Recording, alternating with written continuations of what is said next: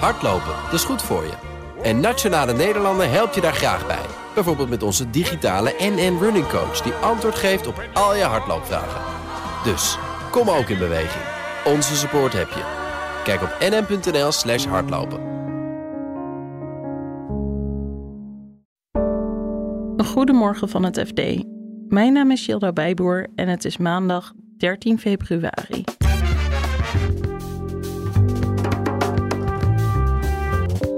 Een groep boze makelaars vindt dat branchevereniging NVM te veel bezig is met geld. En dat komt niet altijd ten goede, zeggen zij, van eh, het belang van de makelaars.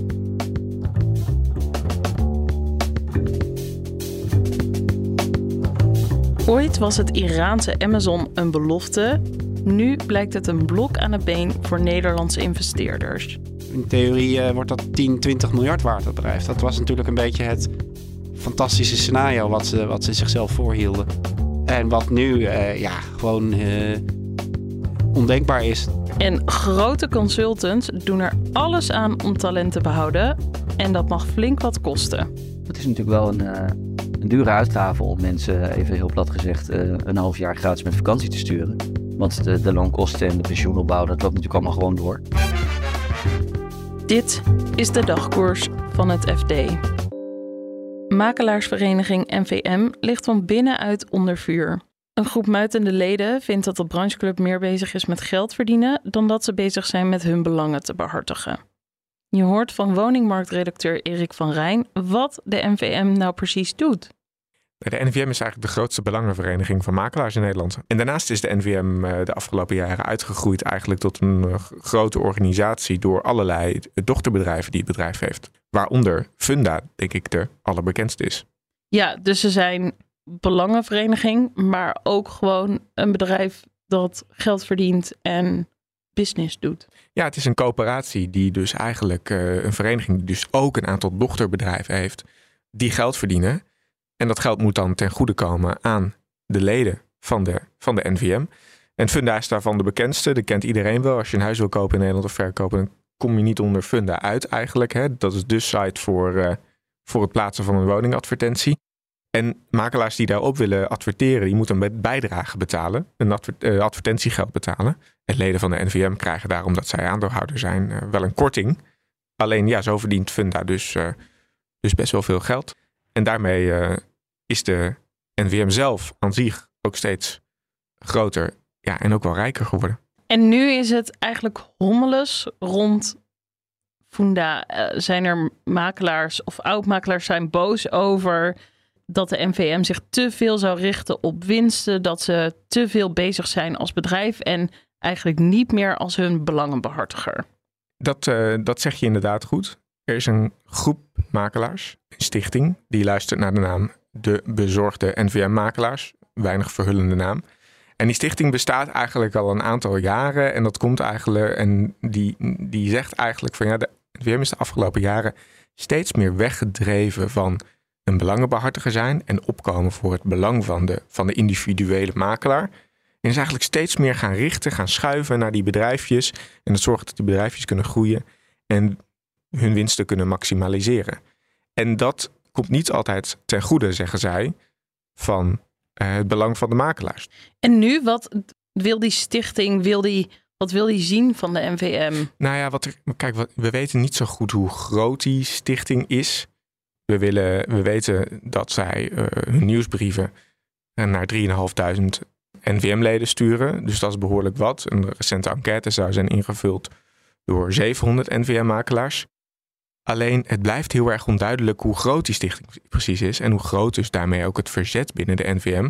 En dat komt ook omdat die makelaars heel erg eigenlijk wel een beetje ondergronds zijn gaan opereren. Dus op dit moment zijn, twee, zijn er twee bestuurders als zeg maar spreekbuizen aangesteld bij die stichting. Ja, en die zijn geen makelaar. Die zijn ook geen NVM-lid. En dat zorgt toch eigenlijk wel voor een hele gekke situatie. Want de NVM die zegt, met wie spreken we nou eigenlijk? Wij, hebben hele, wij krijgen helemaal niet zoveel kritiek van de, van de leden die wij spreken. Maar die club die gaat gewoon door met het rondsturen van nieuwsbrieven, met het doen van enquêtes, met het starten van allerlei relletjes. Wat wil die stichting nou eigenlijk van de NVM? ja, wat ze eigenlijk willen is dat die leden wat, wat meer inspraak krijgen. En dat ze zeggen dat dat nu op dit moment niet, niet gebeurt. En dat kwam onlangs dit najaar ook naar voren bij een discussie over uh, Funda.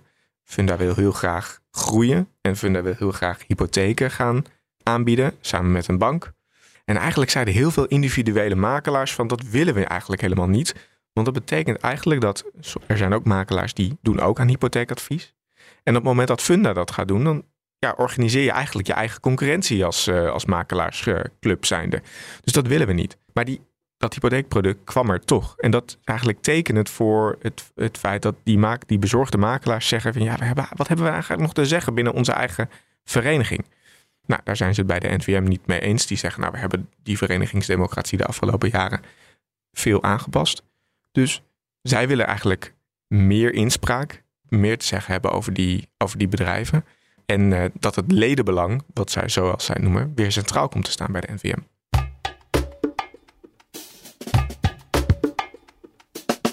En dan gaan we naar Iran. Westerse beleggers lopen met een grote boog om het land heen, behalve één investeerdersgroep. En die groep werd in Nederland opgezet, ontdekte onderzoeksjournalist Johan Leupen, die voor de krant in de financiële banden met Iran dook. Het begon er een beetje mee met het vertrekpunt van we, we zien die verslechtering van de relaties tussen het Westen en Iran. Iran begint op een gegeven moment ook de afgelopen maanden drones, gevechtsdrones te leveren aan Rusland om voor de invasie in Oekraïne. Uh, we zien dat de revolutionaire garde in Iran. Uh, er komt discussie in Europa: moeten we dat als terroristische organisatie gaan bestempelen? Dus eigenlijk, je ziet die hele diplomatieke relatie instorten. En dan voel je ook wel aan dat er mogelijk spanning zit ook in uh, de financiële banden tussen Nederland bijvoorbeeld en Iran. Dat je, moet, dat je ook moet bekijken.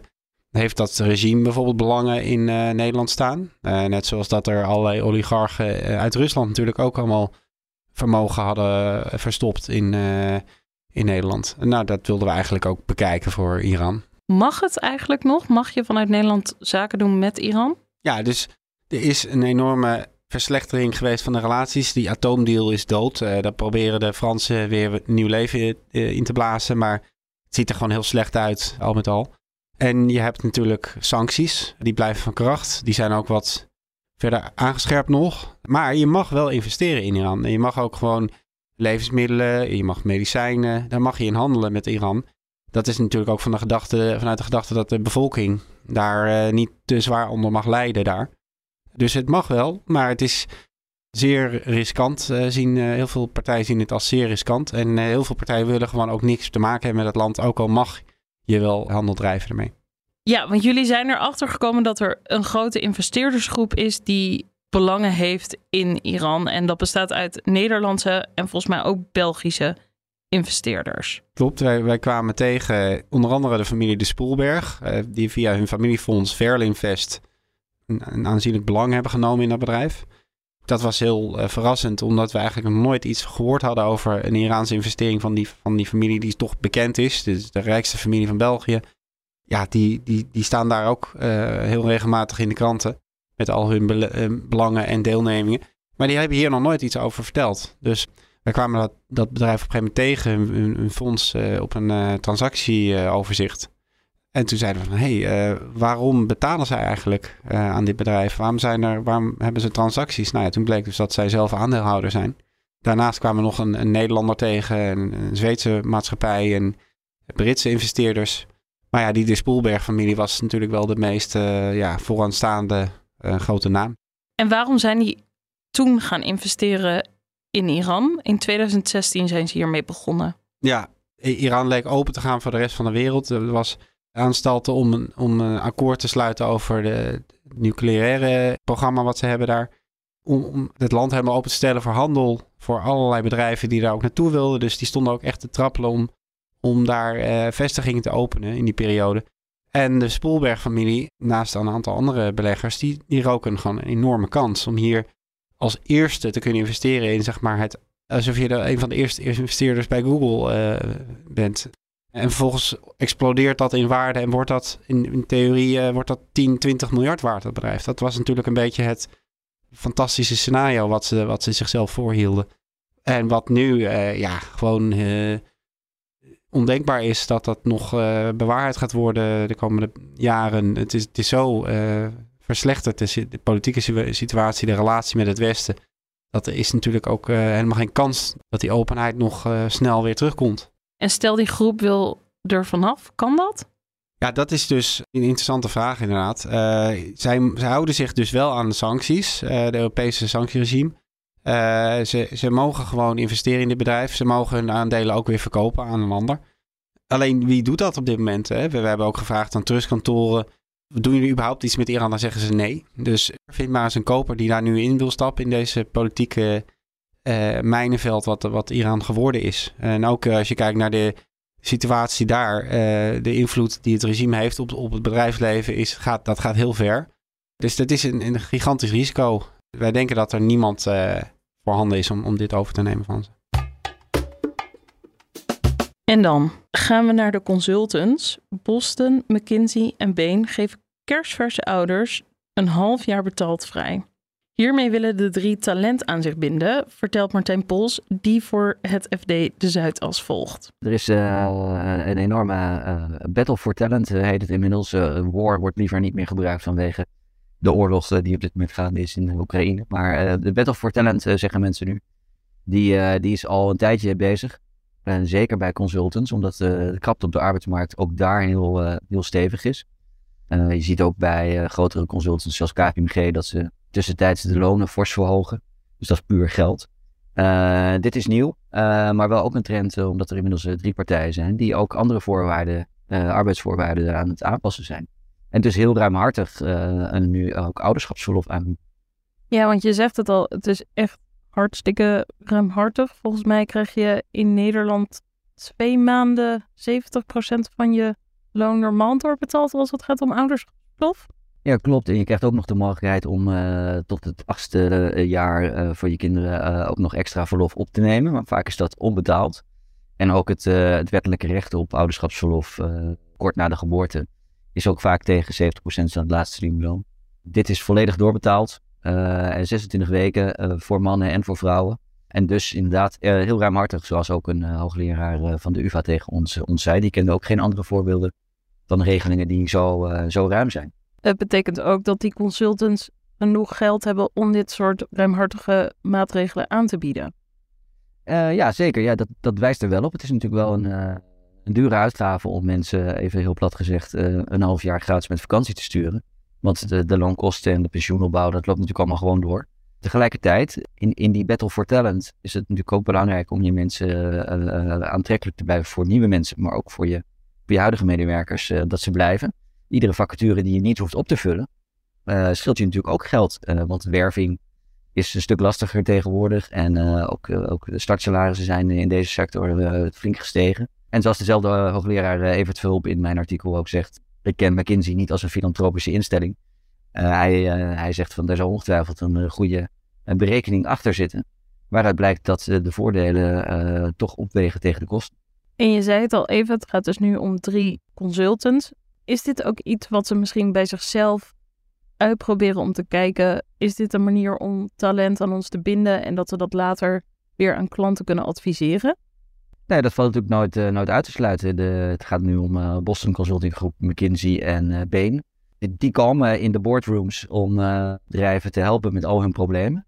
werving en selectie en, en de slag om talent en de krappe arbeidsmarkt. Dat zijn allemaal zaken die nu hoog op de agenda staan van, van de CEO's en de CFO's.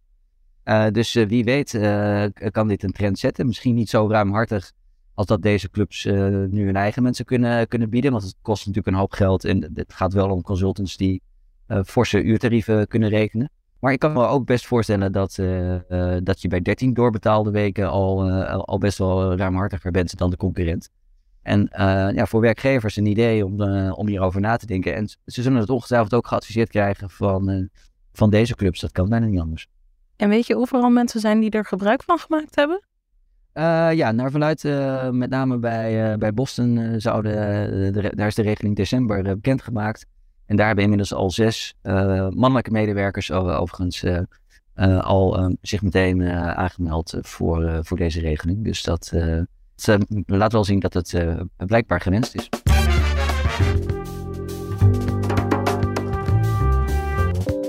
Dit was de dagkoers van het FD. Morgenochtend zijn we er weer met een nieuwe aflevering. Abonneer je vooral op dagkoers, dan krijg je die automatisch binnen. Het laatste financieel-economische nieuws vind je in onze app. Nog een hele fijne dag en graag tot morgen.